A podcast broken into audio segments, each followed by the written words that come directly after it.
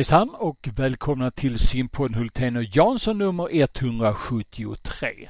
Vi har kommit fram till mars anno 2021 och idag har vi nöjet att eh, hälsa välkommen förbundskaptenen i simning Ulrika Sandmark som ska snacka uttagningar inför EM inför OS och en del framtid. Det gör hon tillsammans med eh, simförbundets eventmanager, nämligen Dennis Fredriksson, han som håller i alla trådar runt Swim Open. Swim Open som är årets första stora internationella tävling eh, i simning som eh, är lite speciellt i år i, i, i och med att vi är inne i en pandemi. Om all den organisation, logistik och Eh, hur det kommer att eh, fungera där, ja det ska han guida oss igenom i simpodden Hultén och Jansson nummer 173. Nu kör vi! Nu ska vi snacka simning. Ja, om de gör det bättre, det vet jag inte, men de gör det oftare. Det är omänskligt. Ja, men det gör vi Bosse, vi trummar på. Simpodden, Hultén och Jansson. Sådär ja, välkomna till eh, simpodden Hultén och Jansson. Vi har kommit fram till upplaga nummer 173 och eh, idag så är vi ju en hel drös inne i den här studion. Välkommen eh, Ulrika Sandmark, förbundskapten i simning. Kul att se dig. Mm, tack. Även om jag inte ser hela dig, men eh, det är ju ändå trevligt att, att kunna få vara med, ha folk i sändning så här. Dennis Fredriksson, Swim Open general det är lite militäriskt, men du har ju lite militäriskt påbrå va? Stämmer gott. Ja, vad bra. Tackar. Välkommen du också. Och Thomas Tack. Jansson, Enslingen i skogen. Kul att se dig. Tack. Jag blir ja. så avundsjuk på, på Dennis alltid för att, och det tror jag också Ulrika blir därför att vi har ju, ja, jag har ju bara varit kapten och, och Ulrika är kapten men, men Dennis han är general han. Ja, och jag... Det, säger, det säger lite om den här samlingen. Och vad var du i det militära? Ja, jag, jag mönstrar ut som sergeant. Ja, du ser. Ja. Så jag Då står har vi hackordningen klar för oss. Ja. ja, jag tycker det är bra att vi går igenom befälsordningen innan podden så vet ni vad ni ska förhålla er till. Ja, ja vad bra. Ulrika, eh, hur är känslan så här i pandemins slutfas? Ska vi, är det, ska vi, ska vi uttrycka oss i de formerna eller hur positiva ska vi vara? Slutfas, ja jag vet inte riktigt men eh, jag tror att det är väldigt viktigt just nu att inte tänka så utan fortfarande hålla de här grejerna som vi har blivit itutade så himla länge. Mm. Eh, men vilket fall som helst så har vi börjat små träningstävla lite grann och det är då man börjar känna att man lever igen för mm. hela förra året bara försvann på något sätt um, tycker jag.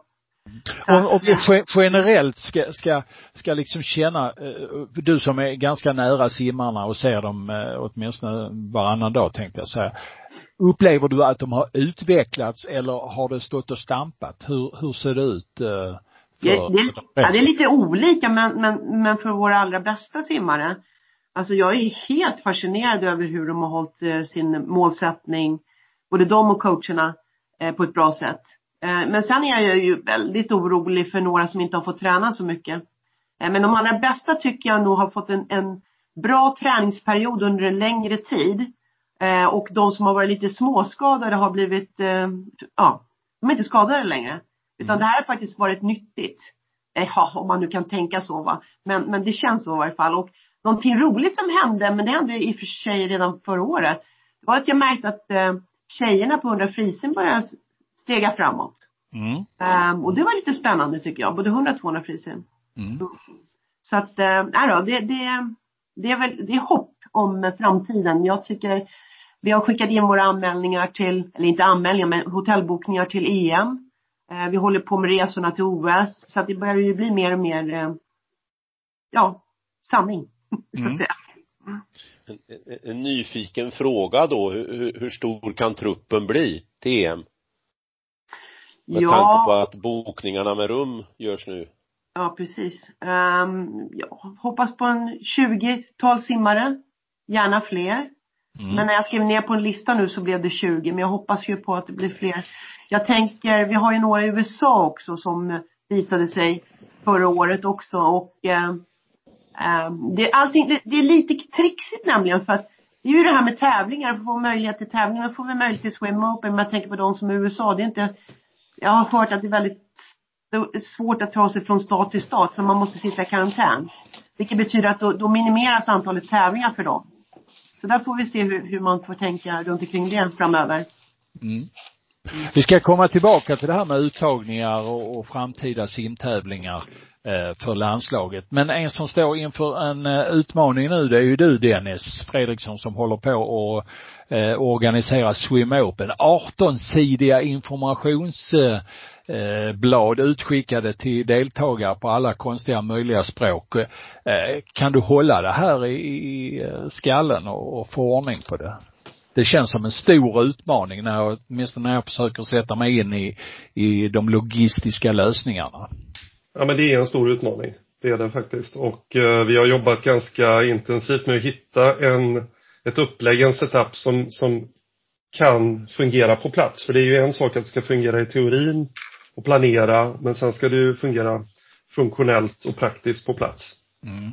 Kan du, men... kan du för, lite förklara hur, hur eh, upplägget är så att vi som eh, inte kan det här och är all, alla djupast involverade i det hela eh, ska ja. förstå stå hur, hur det hela hänger samman så att säga. Ja, vi kan väl börja lite grann med varför Swim Open ser ut som den gör i år och det är ju på grund av restriktionerna.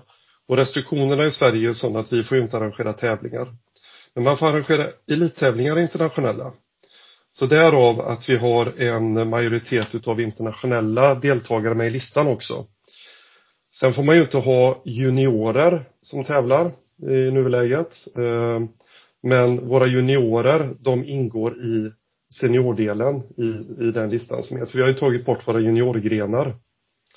Tidigare har vi haft juniorfinaler som C-finaler men nu är alla A, B och C-finaler, de är, de är seniorfinaler då.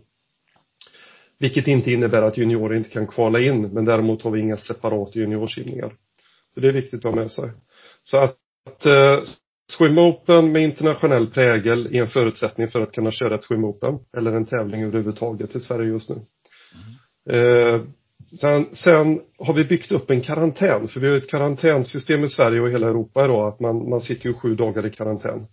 Man kan säga att alla som kommer in på hotellet vi bor, och det är Clarion som ligger på Ringvägen, de eh, går in och eh, hamnar automatiskt i en karantän. Så det blir en karantän med ungefär 500 personer. Vi kallar det för Swim Open Bubble. Mm. och sen får man då röra sig mellan Clarion Hotel och Eriksdalsbadet och inte vika ner mot Skanstull eller in mot Söder och så vidare utan vi, vi, vi förväntar oss och, och att deltagarna då eh, har förståelse för detta och eh, vi kommer även ha värdar och lite vakter och värdinnor och så vidare som hjälper folk som blir förvirrade när de vill ha en påse chips kanske. Mm. Då får man ha med sig det innan.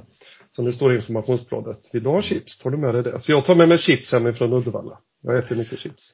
Så, ja, så när man kommer ut från Clarion måste man gå till vänster, passera över den här hetsiga gatan och sen dra eh, den här Suckarnas bro ner mot ja. Eriksdal, nerförsbacke och så rätt in där och sen eh, är det simning som gäller. Ja, och den här Suckarnas bro brukar vara lite jobbig att gå, men den kommer ju kännas befriande nu. Med tanke på mm. att du antingen får vara bara på Eriksdalsbadet eller inne på ditt hotellrum. Mm. Så det kommer ju kännas som, som eh, någon form av eh, det, det, är ju det är fantastiskt att gå den ett par gånger om dagen. Mm. Så det, det, den kommer uppskattas den gången. Mm. Eh, och sen är det in på Eriksdalsbadet och vi har hela 25an och det området där som eh, uppvärmningsyta och som förberedelsesyta. Och du får vara där under det tävlingspasset du ska tävla. Annars får du vara på ditt hotellrum. Du byter om alltså på hotellet? Ja, det är, det är ju smartast att göra det för att det är ju väldigt tuffa restriktioner i omklädningsrummen. Max fyra personer. Mm. Så att det är ju, vi har ju de här 10 kvadratmeter och så vidare. Så att mm. det, det, det, är klokt att byta om på hotellet och duscha och göra sina förberedelser och så. Sen kan man ju ha med sig tävlingsdräkten ner såklart och, och byta om under handduken inne i 25an. Och sen inne i 50an då så, så går man dit och man har en kvart kvar att simma ungefär. Där kommer det finnas olika zoner man får vara i. Sen A och B-zon. Eh, så A-zonen kommer man till en kvart innan man ska starta. Då går man in i tävlingsbassängen bakom äventyrsbadet och över den här lilla bron som är där. Och så kommer man in i tävlingsområdet och sen när det är fem minuter kvar då går man till zon B. så, så får man vara där och sen när det är dags att tävla så kommer man att gå igenom ett call-tent. Istället för ett call room så har vi ett call-tent. Det är lite tält vi bygger upp eh, när man passerar in på startbryggan. Och sen när man är färdig så går man till zon C och hämtar sina kläder och det är precis bredvid bassängkanten. Eh, och så går man förbi sin coach på läktaren. För alla coacher ska sitta på läktaren men där får inga simmare vara. Och det är också på grund av restriktionerna då. Vi har ju ett maxantal man får vara i varje bassängområde. Eh, så går man förbi och får en tummen upp för alla kommer ju simma extremt bra på Swim Open. Och så kan man antingen välja att gå in mot omklädningsrummet eller tillbaka till 25an. Eh, mm. Så att det, det, är en, det är en liten enkelriktad rutt som vi har byggt upp där. Det kommer så, att fungera. Och då, då, då ser jag alltså simmarna i en liten värld, coacherna på läktaren, eh, de som är funktionärer och jobbar med arrangemanget, hur, var finns de i den här organisationen och logistiken? De har, eh, som tidigare brukar funktionärer ha funktionärssamlingar högt och lågt och, och gå igenom allting. Det gör de inte nu på plats utan de har digitala funktionärssamlingar. Som bygger upp det.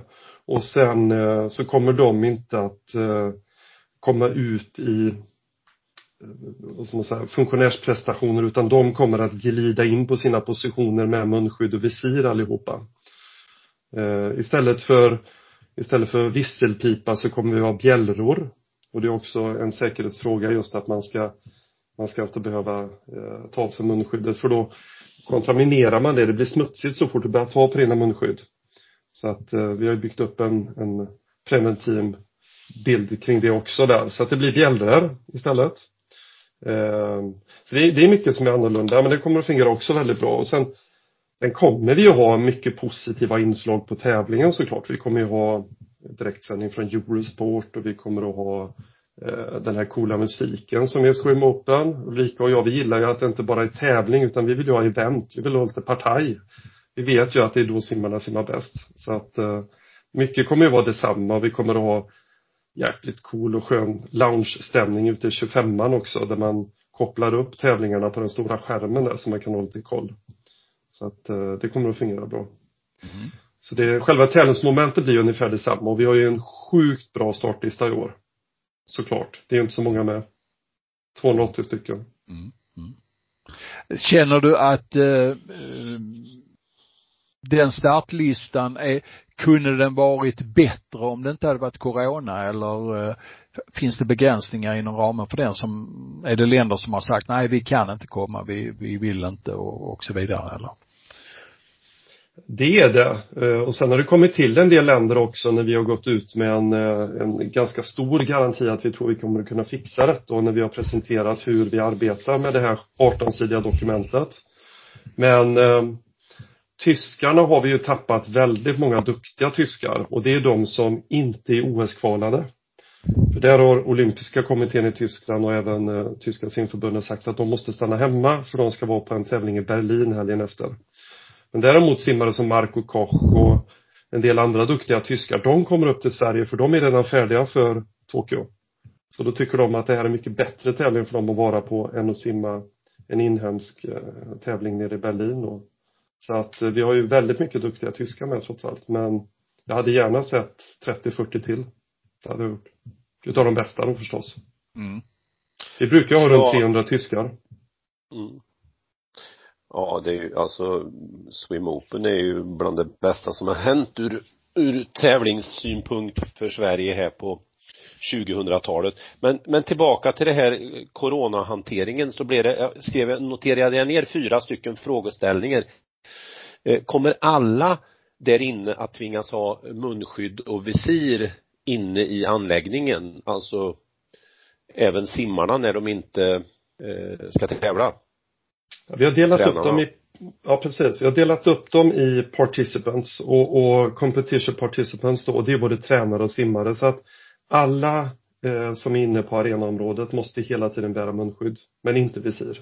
Utan det är bara eh, funktionärerna som bär visir. Eh, men alla simmare måste ha munskydd på sig både in avsinnesbassängen eller förberedelseområdet och även in i tävlingsbassängen och så plockar man bort det när det är dags att tävla och så tar man på sig det när man, när man kommer upp i baljan då. fråga två, kommer några coronatester att genomföras under de här dagarna? Mm. Alla internationella som kommer in, de har gjort PCR-tester innan de passerar svenska tullen. Så de eh, anser vi vara eh, fria från en coronasmitta. Alla svenska klubbarna, oavsett om de kommer från Stockholm eller ute på landsbygden, eh, kommer att eh, covid-19-testas direkt när de kommer in till eh, hotellet. Innan de får tillträde till sina hotellrum och kommer in i karantän då. Mm. Fråga tre. Uppe på i matsalen, uppe på Clarion och så, vilka restriktioner är där eh, när man äter och så? Blir länderna separerade eller hur blir upplägget där? Stämmer. Vi kommer olika spottider så de första kommer kanske äta sin frukost vid sju på morgonen och sen får sin första tävlingsstart någonstans 10.30 eller 10.15 för vi kommer att dela upp försökspassen i två flighter. Så att, eh, och det kommer vi gå ut med information här i slutet av veckan att, att man tar lite höjd för det. För alla kommer ju inte kunna äta samtidigt utan när, när vi säger att Ulrika nu skulle varit coach här i, i Sundsvall kanske eller någon annan klubb så har hon med sig tio simmare. Och eh, när hon har ätit färdigt sin frukost så kommer de att sprita bordet, sprita stolarna. Och hon får bara 30 minuter på sig till varje måltid med sitt team. Och sen så måste de ut och så måste de göra sig klara för Uddevalla då när kanske Dennis Fredriksson kom in. Och då kommer vi till ett nyspritat bord och nyspritade stolar och så vidare. Så att det, det, det är full, full eh, preventiv setup där också. Låter intressant med ett spritat bord. Men du, ja, med, hur är det med media? Eh, nere där nere, du nämnde att Eurosport kommer att sända, men kommer det finnas något utrymme för media att bevaka tävlingarna? Ja, vi kommer att ha fyra mediaplatser. Så Eurosport kommer att vara där och sen har vi två dagstidningar. Och så kommer vi bereda plats för SVT om de har möjlighet och, och feeling att komma in. Men då kommer alla de här att snabbtestas. Så att vi har en läkare som kommer eh, och eh, går runt och snabbtestar de som kommer in i bubblan. Alla andra bor ju i bubblan, men eh, de som kommer in i bubblan kommer den här personen att snabbtesta. Det gäller även produktionsteamet. Vi har ett litauiskt produktionsteam för TV. Så att de kommer ju att snabbtestas varje morgon när de kommer in och ska sköta sina kameror. Vi har ju IC Control som till största delen bor i bubblan men det kan komma någon utifrån dagligen. Och då snabbtestas han eller hon också. Så att Eh, Eh, och där har vi Charlotte Wallin, våran, eh, våran duktiga läkare från Helsingborg som kommer upp och eh, kommer att gå omkring och göra de mobila snabbtester. Så att alla, alla snabbtestas som bor på hotellet som är svenska då när de kommer in den sjunde eller åttonde. Och då har vi byggt upp en, ett testteam inne i ett stort konferensrum kan vi säga också med en extern operatör, Stockholm Medical. Så de kommer att göra 200 tester då på 7-8 april. Och sen gör de också PCR-testerna för alla utlänningar som reser ut sen. För de behöver ju PCR-tester även för att kunna komma tillbaka hem i sina länder. När de ska hem till Bratislava eller de ska hem till eh, Tjeckien eller vart de nu åker. Så, så, så måste ju de kunna uppvisa ett eh, PCR-test på engelska att de har gjort det och det är negativt. Så det, det är en del att ta i som vi inte har eh, varit med om tidigare, kan man säga. Men det är spännande det låter som tysk grundlighet och, och ett perfektionsarbete utav yppersta klass. Gud vad spännande. Ja. Ulrika, eh, som coach eller förbundskapten, känns det här som eh, någonting överväldigande eller går det att infoga sig i detta? Ja, vi hade ju en träningstävling i helgen här och då hade vi fyra simmare som kom in utifrån. Vi hade några som var i en bubbla sen de har varit på läger på Teneriffa. Och så kom det fyra stycken in utifrån Sverige då. Så att då, då fick vi möjlighet att testa det här på, ja jag fick testa det själv, simmarna fick testa det och deras coacher. Vi hade som tur så, vi hade Niklas Thor som nu är färdig läkare då, René Thorsson. Som testade oss och eh, det var första gången jag eh, blev testad på det sättet. Eh, det är ju speciellt eh, och eh, jag tror att det är väldigt många som kommer in till Swim Open som inte har varit med om det. Så att eh, det, det blir ju ett extra moment helt klart. Men jag kände mig det känns bra att vi har gjort det här. Eh, och vi hade också munskydd på oss inne i simhallen. Eh, och, några av simmarna är ju väldigt vana vid det som Michel Koman till exempel som gjorde det i flera veckor på, när de var på ISL. Eh, och, och Antonio också då. Så att, eh, och, och det är lite ovant att ha ett munskydd på sig så länge. Så där eh, kan det nog vara bra att träna lite på det och kanske också se vad det är som passar just mig. För det finns ju olika typer av munskydd. De ska ju vara, eh, det ska vara testat på något speciellt sätt va. Men det finns ju olika sorter som kan vara mer eller mindre bekväma om ni förstår vad jag menar. För det är ändå lång tid man ska ha dem. Mm. Så tips från coachen är alltså till svenska simmare, eh, se till att testa det där någon dag innan du kommer upp eh, och lär dig hur det ska fungera och känn in känslan. Titta på eh, kväll, kväll, kvälls-tv en dag och verka en dag med munskydd helt enkelt. Ja, och då är det så här liksom, jag, jag tänkte på det när jag lyssnade på Dennis här då när man hur, hur man simmar och man lägger ner sitt munskydd hit och dit och man måste ju ha fler munskydd med sig. Så att, eh, för de blir ju kontaminerade så snart som man har hållit på att pilla liksom och tagit av dem. Så, och det är också en sån där sak som, jag menar, jag vet ju att det finns vissa som har problem med att ha extra simglasögon med sig så att det här är, det är helt klart ett extra moment som man behöver tänka till runt omkring. Mm. Dennis? Ja, och det är ju bra att man köper sin favorit. Alltså jag menar det är, jag ska inte sticka under stol med att de här munskydden, de har ju olika kvaliteter. De ska ju vara CE-märkta. De ska helst vara trelagers. Eh, och eh, ingångsmunskydden är ju bättre att använda än de här tvättbara munskydden om man måste tvätta i 40 grader liksom. För man har ju inte tvättmaskiner med sig till Clarion. Nej. Och de kommer ju inte att tvätta munskydd åt dig. Så att eh, ta med egna bra munskydd och framförallt så kommer vi även att ha dagliga hälsodeklarationer som ska lämnas in ifrån alla klubbarna. Mm. Så det innebär att uh, Ulrika varje morgon får hon mäta sin temperatur och sen så lämnar hon in en hälsodeklaration i, i Hospitality Desk där Malin Svanström och, eh, eller Malin Borensjö, jag tror det. Ja. Just det. Mm. Och just Josefin sitter. Och då tar de emot dem och ser att Ulrika och hennes team är friska då. Eh, och det är också en, en viktig del i detta. Det är att man tar temperaturen med den termometer man är van vid, som man inte delar med andra människor förstås. Så att alla får ju ha med sin egen termometer som de har testat tidigare och för kvinnor är det kanske extra viktigt att man har testat termometern och, och, sin temp hemma när man har ägglossning och man kanske får ägglossning under själva eventet också. För då kan ju det påverka med 0,3-0,4 grader. Om man förvillas in i en situation att shit, jag kanske är sjuk nu. Men det kanske du inte alls är utan du har bara en förhöjd kroppstemperatur på grund utav eh, lite hormoner då som, som eh, går igång. Så att eh, det är mycket att tänka på för den enskilde individen också, the participants. Mm. Så det, det, det ställer ju stort förtroende till att alla verkligen förstår viktigheten och sköter detta. Mm. Termometer, munskydd, är det något mer de ska ha med sig? Handsprit. Sunt förnuft är alltid, handsprit är bra, sunt förnuft är jättebra. Mm. Eh, ödmjukhet för situationen så man inte tror att man är lite safe nu. För att jag var uppe i Stockholm här med Ulrika i, eh, i söndags och vi, eller i helgen då. Och eh, det ser man ju i Stockholm nu att nu har det ju smittspridningen ökat igen. Och, och, folk har ju invaggats i en trygghet att nu kommer ju vaccinet när som helst. Nu, nu liksom, nu går det fort här. Och så fick vi besked här i fredags, lördag som att 3,5 miljoner vaccin mindre skulle komma till Sverige under april, maj. Och att det nu börjar se lite mörkt ut på Kameruns avbytarbänk eller någonting. Mm, mm. Och, och, det är klart att då, då sätter det en situation där vi måste börja jobba med och vara ödmjuka till att det här är en väldigt kraftfull Eh, och utmanande station vi står inför. Sen där hoppas jag folk kommer med sig. Mm. Eh, just att man inte reser med bussar till Swimopen. Utan att är ni tolv stycken, ta inte en minibuss. Eller åk buss eller tåg utan ta tre, fyra personbilar. För det är ju så att en är smittad. När de kommer upp, då kommer de få vända i dörren. Och är det så att det då är fyra stycken som åkt bil eller 20 som åkt buss tillsammans. Ja, då kommer ju alla 20 att behöva testas och sättas i karantän och sen åka hem och det är jättedyrt för en klubb att åka hem utan att få simma en meter såklart.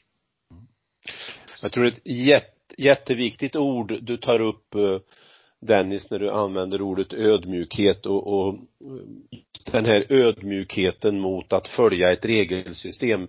Alla vi här som, som snackar nu, vi har ju varit på ett otal olika former av mästerskap och vi vet ju hur lätt det är att finna de här genvägarna, att gå vid sidan av det regelverk som är. Det kan handla om hur man tar sig till, ja, någonstans, alltifrån till toaletten eller till, komma in smidigare till anläggningen. Eh, och vi har själva säkert ibland också bidragit till att fuska mot regelverket men att ha ödmjukhet att det regelverk som är, det är ingen som har satt upp för att vara elak utan det har ett syfte och det är bara att vara glad och följa det. Det tror jag är jätteviktigt. Mm. Ja, Dennis. Ja, och det, där är det ju till och med så att ser vi då att det är aktiva eller tränare som inte följer de förhållningsorder eller regelverk som är så, så blir man avstängd ifrån anläggningen. Så då får man gå in på sitt rum och vara i sin lilla karantän själv. Helt själv. Då får man inte ens mat, då får man kanske få mat upp till dörren då. Mm. Eh, och så då, blir det, då blir Dennis general på riktigt alltså? Ja, ja visst, då blir jag jättearg. Så eh, Sen, sen en annan sak som jag tror kommer att vara viktig, det är att man förstår att Swim Open kanske är ett avstamp för hur världens internationella tävlingar kommer att se ut kommande halvåret. Vi kommer att få leva med detta. Eh, Ulrika har med sig de här erfarenheterna in i Budapest och vidare till Tokyo, ner till Mare Nostrum om de åker dit och likadant om de åker vidare till eh, Kazan och till Abu Dhabi så kommer det här att leva vidare hela året. Så det vi gör nu kan man säga, det är ju lite ett eh, avstamp för hur bra klarar Swim Open detta och kan andra arrangörer använda de erfarenheterna vi får. Vi är ju först ut, det ska man inte sticka under stol med. Vi har ju simmare från 23 länder som kommer. Så det är klart att vi är den största internationella simtävlingen som har varit eh, sedan ISL slutade i november och då var ju världen i ett betydligt enklare skick än vad det är i dagsläget här nu när vi sitter den 15 mars. Så att, och det trodde vi ju inte 15 mars i fjol. Då trodde vi att vi skulle vara igenom det här, men det är vi ju inte. Utan eh, den vågen hela världen genomlider just nu, den är ju lika stor eller större mot vad den var 15 mars för ett år sedan. Så Swim Open är en, en liten föregångstävling kan man säga. Mm. Hoppas vi lyckas. Har du förtröstan eh, inför eh, Dennis eskapader här, Ulrika? ja, absolut. Det känns jätte, jättebra och jag är så glad över att vi få möjligheten att, att göra det här för att eh, det har varit ett, en stridström utav, eh, vad ska man säga, besvikelser. Vi hade ju tänkt att vi skulle kunna genomfört någon landslagssamling här med ganska många, både juniorer och seniorer. Eh, men, men eh, blev tvungna att ställa in det då och hade istället ett möte då med de här seniorerna och juniorernas tränare runt omkring det hela så att eh, nej, det, det är dags att ses nu och, och få möjlighet att se fina simningar. Mm. Dennis, kan vi slira in på Ulrikas domäner nu eller har du något mer du vill lägga till när det gäller Swim Open? Kan väl lägga till Ulrika att önskemålet har kommit från dig och andra kaptener att vi ska addera in lagkappsmöjligheter mm. och det är ju för att ni sitter, ja du kan nästan förklara varför. Mm. Ja, ja varför? Nej men självklart så är det ett bra tillfälle att simma lagkapper nu. Vi har inte simmat lagkapper på, på ett och ett halvt år snart. Så att, eh, att, att simma de olympiska lagkapparna framför allt då. Eh, vi presenterade idén i helgen och, och, det var ju många som var väldigt sugna på det.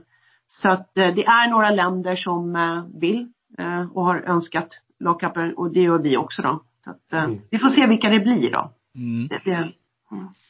det, kommer utifrån behov så att säga och skapas grenar för lagkapper i finalsammanhang då. Ja, det, precis. Det körs på finalpasset då och som tanken var då beroende på hur många det är som är intresserade så blir det ett dam och ett herrhit då. Eh, kanske 4 gånger 100 frisim till exempel sista dagen eller något sånt. 4 gånger 100 medley mixed eh, någon dag. Så, det här blir ju inte på klubbnivå utan det här blir bara nej. på landslagsnivå då. Det är landslagsnivå. Det, ja. Precis, så att eh, klubbarna ute i Sverige förstår det. Så det kanske är de som har aviserat nu är Estland, Finland, Danmark, Sverige och ytterligare något land då som har aviserat att de vill ha. Och det är lite olika behov också. Mm. Eh, någon vill ha 4 x 2 och någon vill ha 4 x 100 medlemix och någon vill ha någonting annat. Så att vi, vi har bestämt att vi kör de olympiska lagkapparna efter varje A-final varje dag och då kommer vi ha olika teman eh, varje finalpass. Så att som Ulrika sa, 400 fritt får gå sista dagen för den, den behöver kompletteras upp. Mm. Det är alltså åtta stycken olympiska lagkappor. Mm. Fyra på dam och fyra på hemsidan. Ja. Fyra gånger hundra fritt och fyra gånger 200 fritt och fyra gånger hundra medley och fyra gånger hundra medley mix. Mm. Två per dag, ja. Ehm, Ulrika, uttagningar, EM, OS. Eh, om vi tittar först på EM, vi snuddade ju lite vid det tidigare. Eh, mm. Hur många kommer det bli på EM sa du? 20 hade du räknat på mm. fingrarna nu här senast. Ja, minst 20. Mm. Mm. Um, det är ju det här med uttagningstävlingar också. Um, jag har ju sagt att runt Swim Open, Swim Open, Bergen, Helsingfors. Nu, Bergen blev ju inte av. Eh, Helsingfors ska bli av, har jag hört ifrån Dennis. Eh, så att eh, det, det, det, har ju minskat antalet uttagningsmöjligheter så att eh, jag kommer vara ganska, ja, jag kommer titta på flera tävlingar om vi säger så, titta brett. Det var det jag menade med USA-simmarna också. Vi får ju se hur vi kan lösa situationerna där. Vi har ju inga uttagningar på yardstider. Eh, men eh, man kanske kan titta på ett annat sätt ifall de inte har möjlighet att tävla. Men självklart så är det bra att träna och tävla i 50 om man ska prestera i 50 på ett EM till exempel. Så att, eh, men, men vi har ju fram, nu i helgen åker Robin och Michelle till Marseille. Och sen börjar det dra ihop sig till Swim Open ju. Och sen är det lite andra tävlingar runt omkring också. Får vi se om de blir av. Så att det finns lite olika möjligheter att ändå simma snabbt. Göra. Mm. EM-uttagningar, det är någonting som du ansvarar och, och har grepp om själv. Men sen kommer vi till det här med OS-uttagningarna. Har det förändrats någonting i informationen från SOK när det gäller eh, OS-uttagningarna i år? Har man eh, lättat lite på eh, tumskruvarna eller hur är det? Jag såg något reportage om det men det är ingen information jag har fått. Men eh, det som sades i det reportaget var ju någonting om att man skulle vara lite mer generös med de här eh, avkvaltiderna, ja. De här, ja, framtidskriteriet. Mm. Eh, vi har ju, eh, eh alltså uttagna är ju nu Louise, Erik och eh, Sara. Men sen så har vi även Michelle och Robin som har simmat under A-kvaltiden. Eh, det är ju ingen annan som har gjort det ännu. Björn Kelige var väldigt, väldigt nära på 50 frisim eh, förra året. Eh, och sen så finns det några till runt omkring där så, ja, kanske en tio stycken på ett OS. Nu åker eh, Robin och Michel ner till Marseille säger du eh, mm. kommande helg här och eh, är det för att eh, möjligtvis kunna simma en gång till här och få klart med en OS-start? Ja, framförallt så handlar det ju om att få tävlingsrutin igen då. Det har ju, alltså Robin har ju inte tävlat speciellt mycket. Han har gjort väldigt många bra lopp i Eriksdalsbadet faktiskt.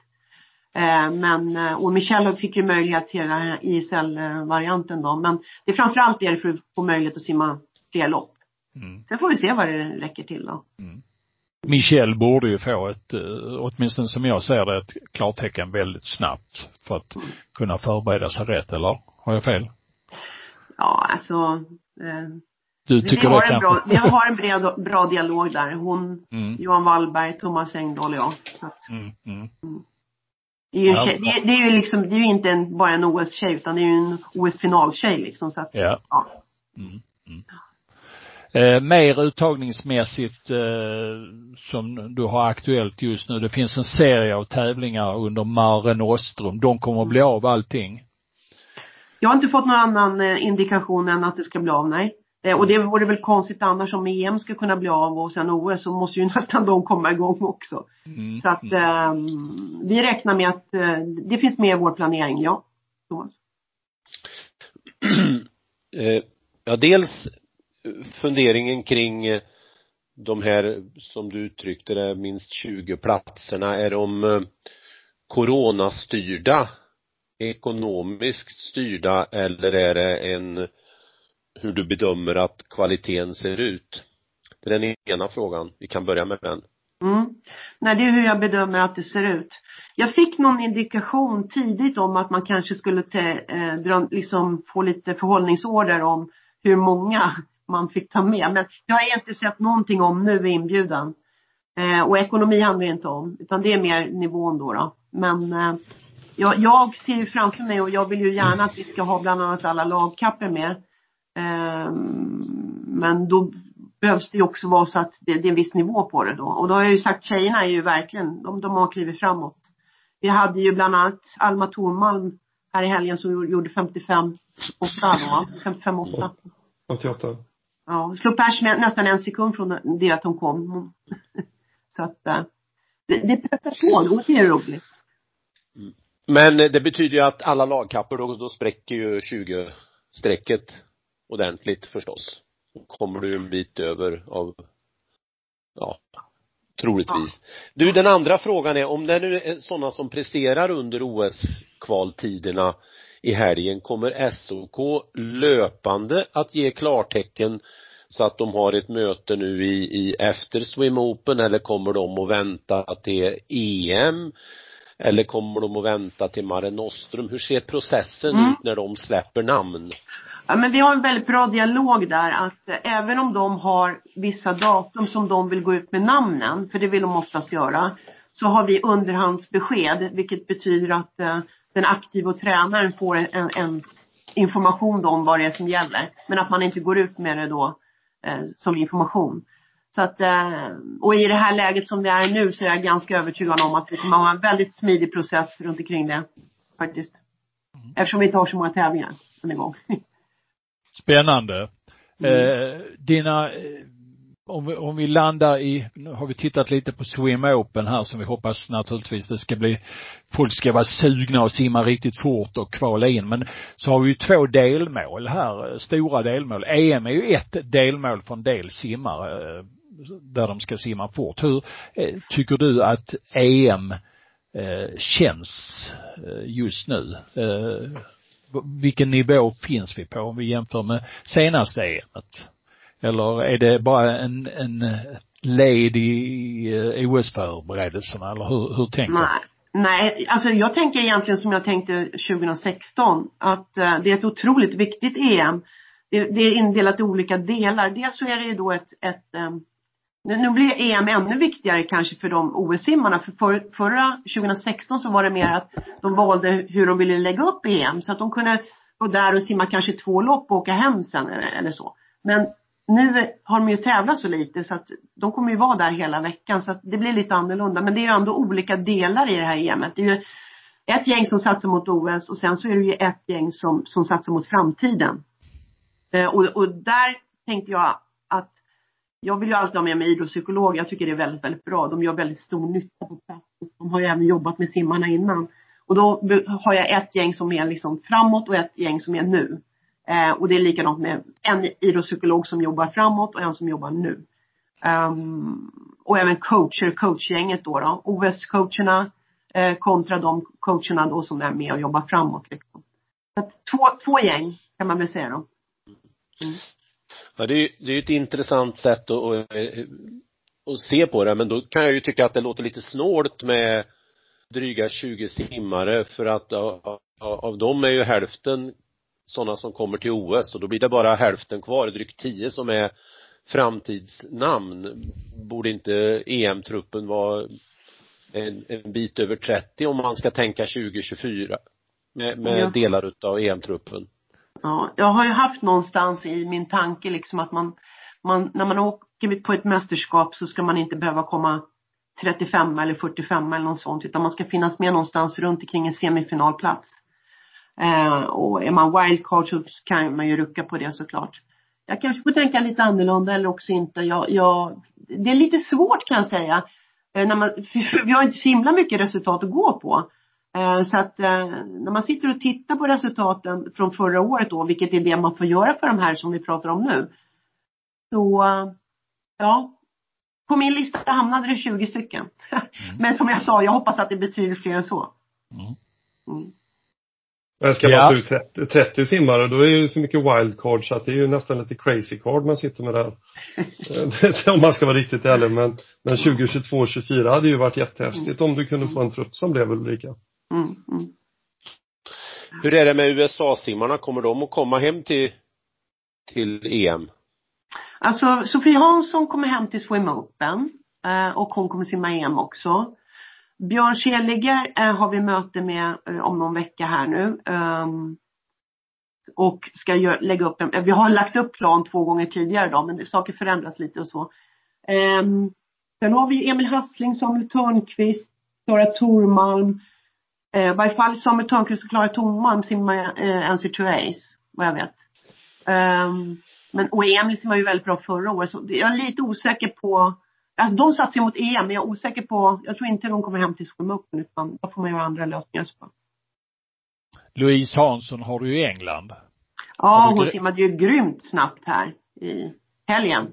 Ja, jag har inte Berätta. Ja, vi har inte riktigt fått fram de 56,9 hade hon på en hundringfjäril. Eh, I Lonsbury på universitetet där då. Ja, ja, Ja. och en 009 på hundrygg. Det betyder ju att hon satte pers med två tiondelar på 100 fjäril. Ja. Mm. Mm. Eh, Så hon var nöjd och glad, såklart. Mm. Ja. Och de simmade ju då också, eh, det var väl någon typ av trän lite större träningstävling där. Eh, men med, med riktiga tider då. Och hon simmade, de simmade försöken på kvällen och, och finalerna på mor- morgnarna. Mm. Okej. Ja men då känns det som eh, hon sköter sina kort riktigt bra Ja. där borta va? Ja, det gör hon. Härligt. Det är tider som kommer in i systemet. I Ja, alltså så uppfattade jag det. Eh, när, Ja. när jag fick dem. Ja. Mm. Mm. Mm. Sen har vi vår stora stjärna, hon eh, med isfläcken. Ja. Eh, vad är senaste rapporten här? Kan du någonting om, om eh, Sara? Hur är läget för henne just nu? Ja men det är bra. Eh, alltså så bra det kan vara. Mm. Hon är ju i ett jättejobbigt läge såklart där hon inte känner direkt att det gör ont men hon får inte ta i för mycket. Alltså det är ju jättejobbigt måste det vara. Eh, men hon har ett bra team runt omkring sig. Eh, jag vet att hon kommer åka med dem till Playitas på ett läger. Ehm, och hon, eh, hon har ju inte ont. Hon, hon kör mycket på, har jag sett i varje fall nu då. Jag, jag såg hennes cykel för att hon kör mycket cykling. Mm. Så det är klart, man utvecklar ju de egenskaperna som man kanske, alltså lite andra typer av egenskaper när det blir på det här sättet då. Så det, det är ju bra på det sättet. Kommer hon att komma igång och tävla ordentligt innan OS? Jag vågar inte säga någonting. Vi har en grupp som, vi träffas ungefär var fjärde vecka eller var tredje vecka. Eh, och och eh, där det då är en, en som har hand, för, hand om själva rehaben. Så han får styra taktpinnen. Mm. Tillsammans med, ja, de runt omkring.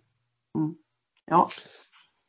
det är ju en, det är ju en trickig situation om, om man skulle hamna i ett läge där hon eventuellt måste prioritera väldigt hårt vilka Mm. grenar hon kan ställa upp i och eh, har det förts något samtal vad det kan få för konsekvens kring lagkapper? Inte ännu men eh, ja, det är någonting som finns ständigt närvarande, ja, absolut. Det är det. Och där är det ju också så att vi behöver ju ta ett beslut, jag tror det är sista, jag, kan inte exakt datumet men det är maj, någon gång efter EM. Om hur man gör med, med lagkapper och så. Mm. Bra. Men därför är jag glad över att det är flera som liksom tar ett steg framåt här nu och så får vi se. Mm. Vi kan inte göra mer än så. Nej, men då, då, då känns det ju som vi snart är på banan igen. Eller, Mm. eh, I vattnet? ja, eller, ja, i vattnet. Dennis, du är ju garanten för detta. Känner du eh, en spirande optimism nu att vi får eh, känna klordoften här ganska snart? Ja men det gör jag faktiskt och om det inte blir ett Swim Open så beror det ju inte på att vi inte har hunnit göra en bra organisation för det utan då, då beror det på andra herrar som sitter betydligt högre upp i beslutssystemet än vad, än vad jag och Ulrika och även styrelsen i simförbundet för alla är ju eniga om att vi, vi har liksom gjort en organisation som vi tror kommer att fungera. Men stängs det ner eh, möjligheterna för, för ett Swim Open så är det klart då är det ju en tuff situation. Vi har också gått, från simförbundets sida gått in med en garanti till alla klubbarna att vi täcker deras mat och logikostnader. Så det blir en dyr historia också. Eh, det, det, där pratar vi miljonbelopp såklart. Eh, sen är ju inte det någon lysande affär i år ändå att arrangera Swim Open jag säga. Det brukar ju vara break-even eller ett något litet plus. Men i år så är det ju röda siffror. Men det, det är klart, det förstår ju alla.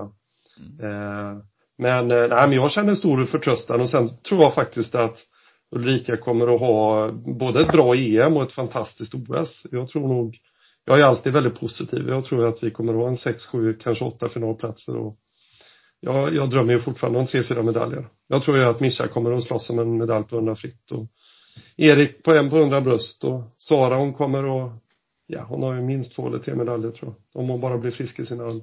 Så jag tror vi kommer att få ett fantastiskt OS. Men det är alltid som vanligt. Det är en hårsmån mellan, mellan framgång och fiasko så att allting måste ju stämma. Men eh, det ser bra ut. Jag hade en fråga Känner ingen press. Ulrika.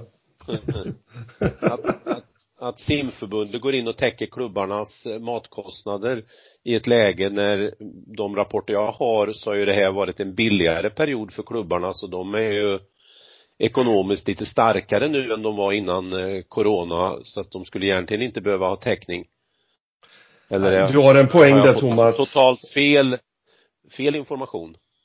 Du har en jätteviktig poäng där Thomas. Samtidigt så tycker jag nog både jag och, och eh, övriga i simförbundet att klubbarna kommer att behöva den här ekonomin för att kunna göra en bra återstart sen.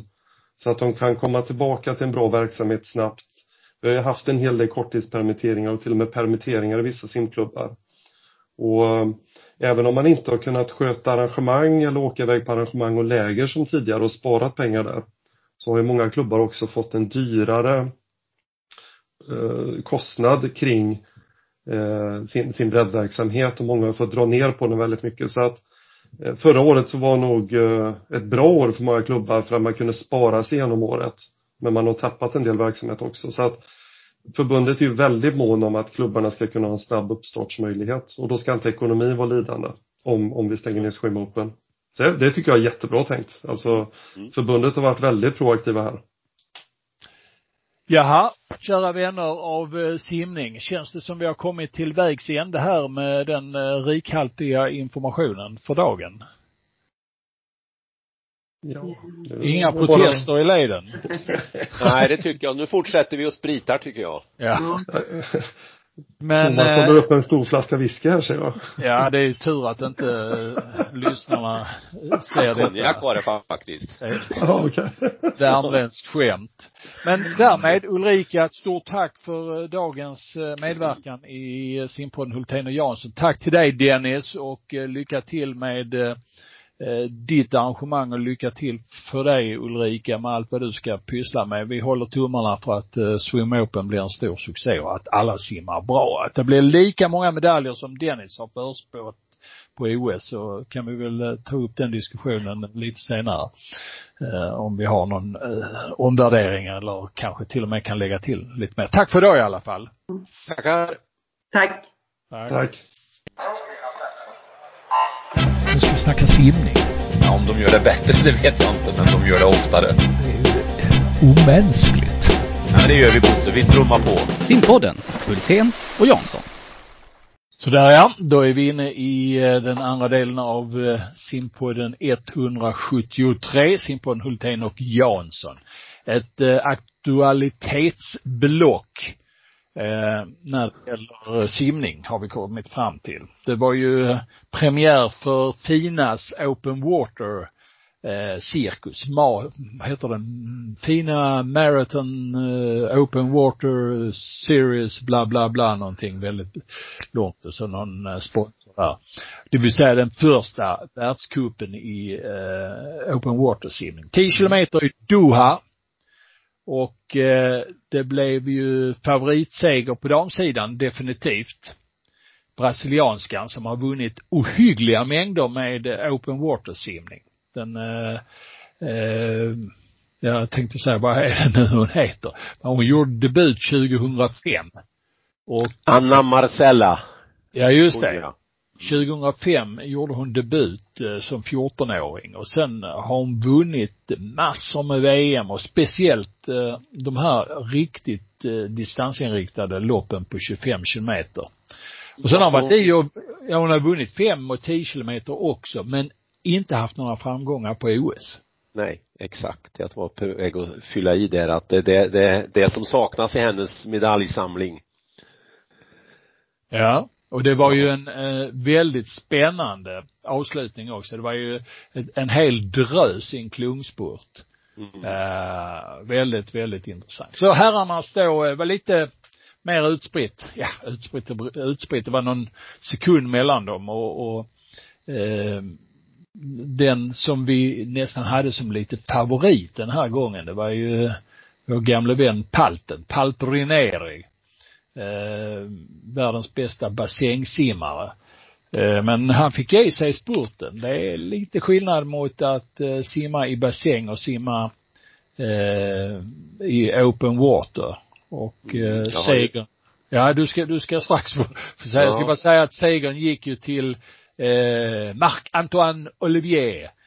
Eh, tre sekunder före Rasovski från Ungern och Paltrineri då trea. Sen tycker jag, jag, jag, brukar aldrig leka med namn, men tvåan på damsidan så har en halv sekund efter, hon är ju som klippt och skuren för en open water eh, medalj. Cassignol heter hon i efternamn och hon heter Ocean i förnamn. Ocean Cassignol. Det är ett helt fantastiskt namn i de här idrottssammanhangen. Eller vad säger du? Jo, precis. Det är fullt i klass med Bo Hultén. Ja, ungefär. Men han lär inte få, få se open water. Nej. Nej, men jag tänkte kommentera det med, om vi börjar med mm, Paltrineri. Det är ju fler genom åren duktiga eh, världsklass-simmare i bassäng som eh, har försökt sig på att eh, vinna sådana här lopp och ibland lyckats men det är definitivt inte självklart. Det blir ju en, dels handlar det ju om att det är en annan arbetstid. Eh, om vi tänker oss 1500 som då är knappt 15 minuter. Att jämföras med 10 kilometern här som i det här fallet hade de en segrartid på en timme och 52 minuter. Det är ju något helt annat. Och sen själva om man, om man tittar på strukturen på eh, tävlingen så kan man ju lätt jämföra den med till exempel eh, cykeltävling, längdåkning på skidor, delvis maratonlopp och så vidare.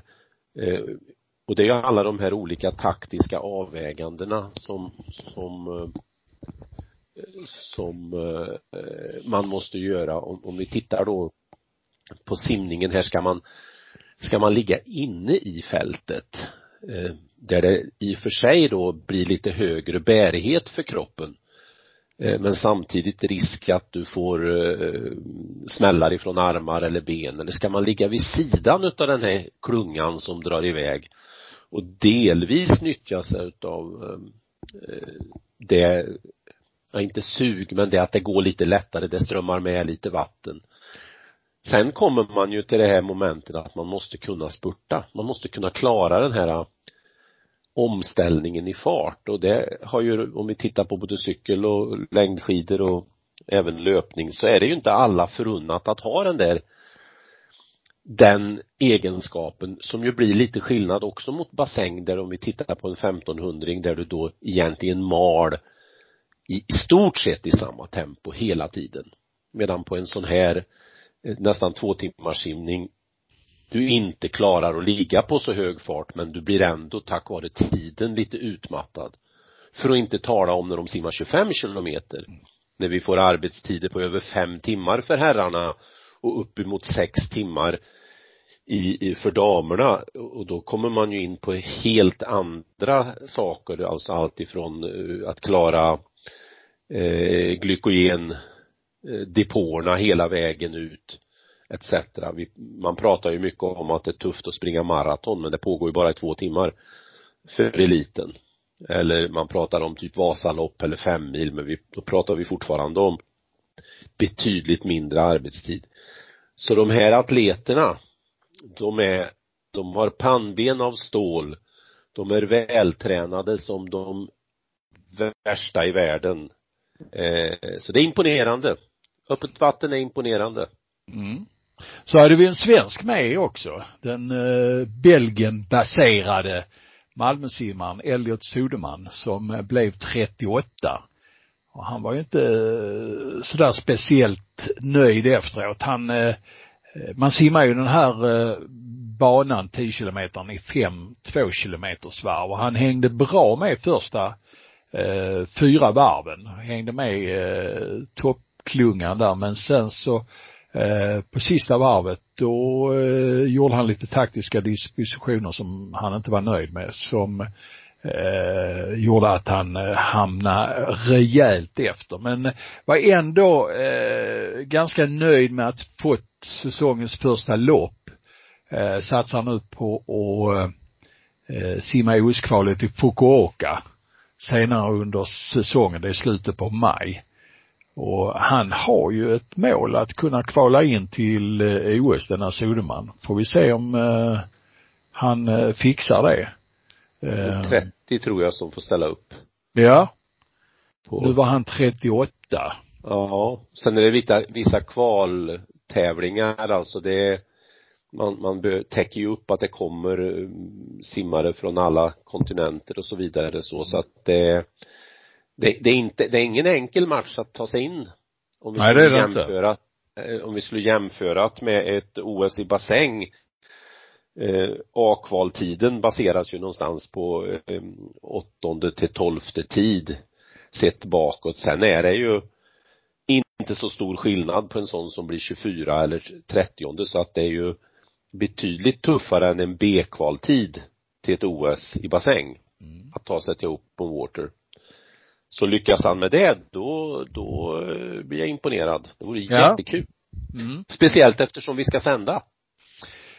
Vi ska sända det här på eh, Discovery. Eh, ja. Och eh, det blir ju trevligt att eh, få uppleva det. Eh, två dagar den fjärde och femte augusti går Open Water under de olympiska spel. Om det nu blir olympiska spel. Ja, ja, men vi, så, så länge de inte är avlysta så blir de ju av. Ja, precis. Ja, och, och, jag ser verkligen fram emot att få då grotta ner sig alla de här olika eh, momenten. Vi har ju tillförsel utav vätska till exempel och mm. ja, det är mycket, mycket taktik alltså. Hålla huvudet kallt men ändå eh, jobba hårt. Så det, ja, ja kul. Eh, det kommer ju fler sådana här eh, Eh, tävlingar här inom kort när det gäller eh, open water och fina. Europa eh, Europacirkusen har inte fått sina datum bestämda nu men eh, den 9 maj är nästa tävling och då är det på Seychellerna eh, huvudstaden där, Victoria, som är värd för deltävling två. Och sen efter det så är det EM, eh, där man både simmar, eh, ja man simmar ju tre distanser på EM. 5, 10 och 25 kilometer.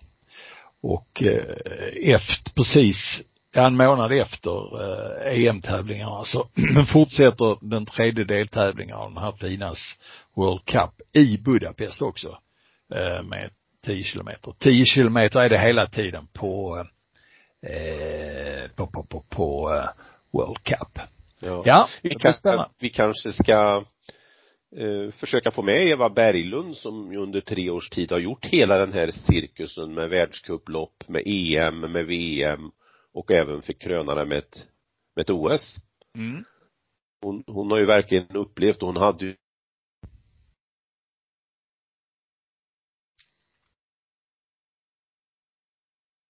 Budapest, alltså i Balatonsjön.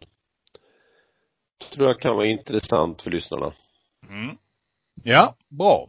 Open water alltså, det har vi satt lite fokus på. Eh, I helgen var det simtävlingar i eh, Holland, i Eindhoven, men också i Manchester i, i England, Storbritannien. Och eh, några brittiska rekord var det faktiskt. 200 ryggsim, Luke Greenbank och vi fick se i Holland eh, 54 sims rekord både på herr och damsidan. Eh, har du tittat igenom resultat? Eh? Nej, jag har inte tittat igenom resultatfilerna. Det har jag inte gjort. Men jag noterar ju att Ranjomi Kromowidjodjos 25-24 är väldigt intressant. Ehm, med tanke på att hon är en stor konkurrent till, tillsammans med flera andra till Sara på 50 frisim på OS. Mm. Det, det ser jag att eh, de, de börjar sig närma sig de här 25 sekunderna ganska många simmare på, på 50 fjärilsim även om Saras rekord liksom spelar i en helt annan division. Mm. Eh, men jag tror man ska vara lite observant på de som börjar simma fort på 50 frisim, äh, fjärilsim som också kan simma frisim. Då kan man nog skönja en att det kanske händer något på frisimsidan också. Mm. Det här var tangerat Eh, världsårsbästa om man nu har, räknar in eh, höstsäsongen också i eh, den här säsongen. Henrik, fransyskan, har också gjort 25 och 24. Men vi räknar eh, kalenderår här istället så att eh, då kan vi utbringa ett världsårsbästa för eh, Kramovi Jojo på 54 sim. Mm. Och så Adam Peaty simmar ju också fort även om det inte var något rekord men det var ju världsårsbästa. Ja, 58 och 52. Ja, det var det va? Var det? Mm. Uh, han, är, han är ju en sån här simmare som kan stå upp och simma fort nästan hela tiden. Uh, eller åtminstone komma i vattnet och simma fort. Uh, vann ju 50 fritt under 27, äh, 50 bröstsim också under 27 sekunder. James Wilby som var tvåa på 100 bröstsim, simning under minuten vann 200 bröstsim. Mm. För Russ Murdoch och, ja det, det, det var inte helt tokigt men det var inte ändå en, en bit ifrån det bästa. Men så ska det ju naturligtvis vara så här i början på säsongen. Ja, det kommer ju hända mycket här under våren med alla de olika uttagningar som är på olika ställen, inte minst mm på, i samband med Europamästerskapen i maj. En simmare som har flugit lite under åtminstone vår radar, min radar ska jag säga, kanske inte din, det är ju den danske distanssimmaren Alex Snörgard. Eh, det nordiska fokuset har ju varit väldigt mycket eh, när det gäller distanssimning på Henrik Christiansen, norrmannen. Och för vår del också naturligtvis på Viktor Johansson. Eh, 1500 tiderna, det är ju 15.01 på eh, Viktor Johansson, 14.45 på Henrik Christiansen och Nörgård, han har ju gjort 14.47, var trea på VM i Guangzhou. Eh, slog där Christiansen och eh, i en lång intervju som eh, man kan se och höra på Simma, där har han ju en klart uttalad målsättning om att ta medalj på eh, OS i Tokyo. Har du, kan du någonting om eh, Alex Nörgaard? Som Nej, men fyller ju... år idag till exempel. Ja, okej, okay. det hade jag dock ingen aning om. Nej. Nej men han är väl klubbkamrat i, i Sigma med Anton Ibsen som ju faktiskt håller samma klass kan man säga som våran Viktor Johansson, Anton som också kommer till Swim Open till exempel. Ehm, och som och de har det danska rekordet på 800. Exakt. Och de där två har ju haft många fighter i, i, mot varandra där det har varit väldigt lite som skiljer så att eh, eh jag, jag, kan inget eh, sådär. Jag har sett några små flashar på, på nätet om hur han simmar och det ser ju eh, bra ut tekniskt. Det är klart man inte kan avgöra det fullt ut utav det. Han verkar också vara ganska slipad när det gäller att lägga upp loppen klokt. Eh, sen är det ju tror jag en, han, han måste ju ner en tio sekunder kanske för att eh, fullt ut eh, matcha om en medalj på OS men eh, varför inte? Mm. Mm. Ja, spännande. spännande.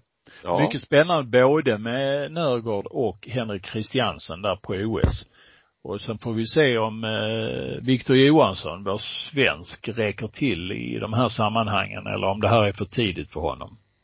Mm. Och så Anton Ibsen, fyra ja. nordbor ja. håller alla möjliga finalkvaliteter, eh, alltså att nå final. Så att mm. det är ju kul, vi som gillar när, när det tar lite tid innan de kommer i mål. Ja. Lagom långsamt för att vi ska liksom förstå eh, händelserna som sker i vattnet.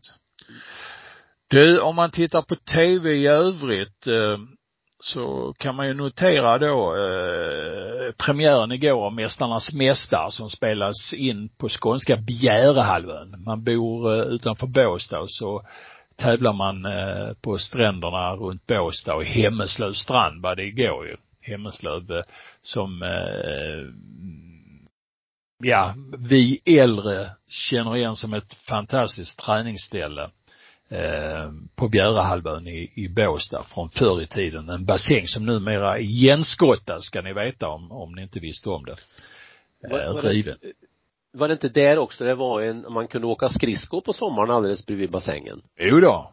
Om ja. man eh, hade lyckats vara först i Europa med att kombinera med att eh, använda spillvärmen från eh, is, eller skridskobanan till att värma bassängen. Mm. Men den där bassängen som byggdes för 300 000 kronor en eh, vårvecka eh, och som göts eh, där simmades en del tävlingar men den var inte riktigt så eh, fantastiskt kontrollmätt och allting var inte hundra hundra men på den tiden spelade det ingen större roll utan Nej, då kunde man som träningsanläggning spelar ju inte det någon roll. Fantastisk var den. Väldigt fin och där jag har tillbringat en sex, sju somrar och legat och tränat där. Det var ju inte alltid man njöt. Eh, mjölksyrapass i ösregn, skånskt ösregn, nio grader och bastun hundra meter från startpallen. Ja, det var lite tufft men eh, Så du hade inte med dig skridskor? Så du åkte Nej, skridskor någon? inte då. Men eh, tillbaka till Alshammar. Hon kommer ju andra omgången av eh, det här med Mästarnas mästare. Det eh, var ju igår ett, ett gäng som tyckte jag var härligt sammanfogade redan i första programmet. Eh, Bengan Gustafsson eh, i eh, volleybollspelaren, den stora stjärnan från eh, EM-finalen 1989 i Globen eh, var ju den som kanske utmärkt sig mest tillsammans med Sanna Tidstrand, speedski eh, damen. Och hur, hur vågar man åka speedski? Det är ju helt galet? Ja, jag har på min klocka som mäter hastighet när jag åker längdskidor som mest eh, haft eh, 46 eller 47 kilometer. Mm. Och då går det så fort så jag är rädd. Mm. Och hon hade 216, 242. 242. Ja. Ja, när hon Det slog är värst. inte greppbart. Nej, jag kommer ihåg det för det är samma höjd tänkte jag säga som eh, Patrik Sjöberg har i höjd så det är lätt ihågkommet. Eh, med 242. Det är inte kul när eh, bindningarna löser ut där eh, mitt i backen. Nej. Jag gillar ju det här programmet när de, alltså de här momenten när de eh, tittar tillbaka på någons karriär är ju jättetrevligt när de sitter och käkar eller lagar frukost eller vad de gör och, och, och snackar också oerhört trevligt. De här oförutsägbara tävlingarna som liksom inte bygger på kondition eller styrka utan liksom lite andra moment i, de gillar jag också. Men, men de här tävlingarna, typ igår den här första som var, man skulle göra knäböj och lite såna här grejer när det, när det blir så, eh, alltså hur ska en 58-åring ha överhuvudtaget en chans mot en som nyss har avslutat en karriär? Det blir, det tycker jag bara var onödigt. Men annars är ju konceptet lysande. Och jag, jag vill ju säga det att de som har imponerat på mig i det där programmet, det är ju de här man inte har känt till. För många år sedan var det med en sån här crossåkare. Eh, jag har tappat hans namn.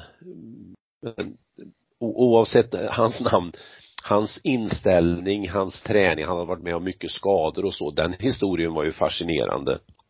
Mm. Förra året tror jag, då var det ju med en kille som kastat sig ut för alptopparna i det okända Mm. eh, rakt in som jag också blev grymt imponerad av. Och så nu hon då, speedskating.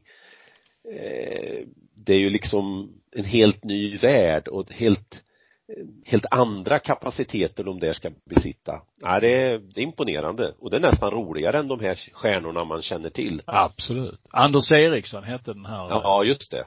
Eh, En duoförare. Ja, ja. Ja, Jag ska säga det att jag, imponerande. Ja.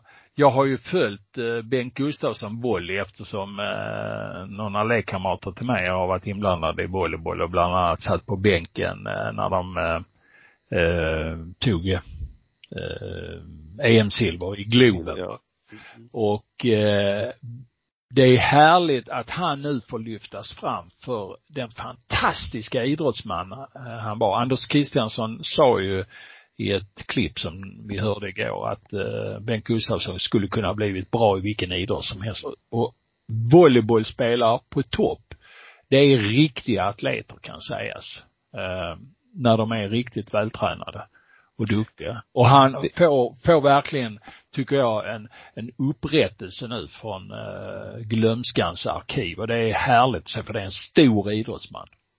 vi ska ju komma ihåg att volleyboll som världsidrott är ju gigantiskt mycket större än om vi skulle ta hockey till exempel. Ja. Så det är en, en stor idrott. Och det här stora då 89 med silvret, det var ju egentligen kanske semifinalen när man slog ut Ryssland. Mm. Mm. Det, det var nästan, Men framförallt var det ju så att man hade samlat en generation eh, spelare som var alltså de bästa, den bästa sexan vi någonsin har haft skulle man kunna säga. och sedan hade man den mest dedikerade eh, coachen och förbundskaptenen av dem alla genom tiderna i alla bollsporter skulle jag vilja säga också. Anders Kristiansson.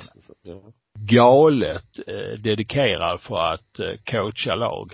Sen blev det kanske lite för mycket. Han var ju Eh, förbundskapten för allt och alla och eh, var lite för tuff emellanåt. Och det fick han ju påskrivet och lite gick ju drevet i tidningarna sen. Så han lämnade Sverige och, men kunde håva in eh, årslöner på mellan 5 och 10 miljoner ner i Europa efter detta sen. Så att eh, han kom ner på bägge fötterna trots allt. Det var en intressant tidsperiod där i, i slutet av 80 när man då jag vet, vet inte om jag ska kalla det början, men 87 så vann man hockey-VM och liksom tog plats på ett helt annat sätt än, än man har gjort tidigare i hockeyhistorien. Och sen kom då eh, den här framgången 89 och sen kom handbollslandslaget då som vann VM-guld 90 och i den här perioden så var vi världsledande i tennis med Edberg, Villander och de här. Och så inte minst eh, pingis eh, lag guldet som jag också tror var 89 när man vann med 5-0 över Kina där borta. Mm. Så det var en, mm. en, väldigt spännande period i svensk idrottshistoria. Mm, det var det. Verkligen. Um, och det, det var många, alltså det var många eh, av de idrottsmännen som hade gått en väg som man idag inte skulle tycka var riktigt lämplig. Uh, kanske lite tuffare körda Eh, lite mer amerikansk stuk, eh, äggkastningsmetoden. Det var tufft, det var väldigt tufft eh, för en del av de här men de som tog sig igenom den ekluten blev väldigt bra. Sen har vi ju blivit eh, lite mer mjuka i kanten kanske, jag vet inte. Nej, inte du och jag. Nej. Vi är inte mjuka i kanten. Nej. Ja, ja. Vi är taggiga eh, som en törnbuske det var ju väldigt mycket utvikningar för att Alshammar ska vara med i nästa del av eh, Mästarnas mästare. Så fick vi se Sara Sjöström mysa och pysa med, med Strömstedt också. Eh, och det var väl ett trevligt program. Det var jättetrevligt tycker jag. Det var eh, fascinerande att, att höra och jag tycker det där programmet eh, är väldigt bra. Jag har följt, eh, jag ska inte säga alla, men väldigt många. Jag gillar Eh, Strömstedts sätt att hantera de här intervjusituationerna och mm. samtalen. Det blir ju mm. avslappnat men ändå lite allvar och eh, ja, inte Jen, bara mys, mys. Ja, Jenny är ju, Jenny Strömstedt är oerhört professionell och sen så lyckas hon eh, eh få sin man Niklas då och landa rätt i det här programmet och han är också duktig som Eh, programledare har vi sett i andra sammanhang. Eh, men eh, Jenny är ju fantastiskt duktig. Ja, ja det är bra. Gillar dem. Så är det. Så är det ja. Den simpodden 173 därmed slut. Mm. Vad kul att ha med Dennis och Ulrika. Eh, nu ser vi fram emot Swim Open och mycket annat smått och gott. Nästa vecka eh, så blir det eh, den andra delen av Louise Carlssons livshistoria som ni ska få uppleva. Tack så mycket för idag, Thomas. Tack själv. Nu ska vi snacka simning. Ja, om de gör det bättre, det vet jag inte, men de gör det oftare. Det är ju omänskligt. Ja, men det gör vi, Bosse. Vi trummar på. Simpodden, Hultén och Jansson.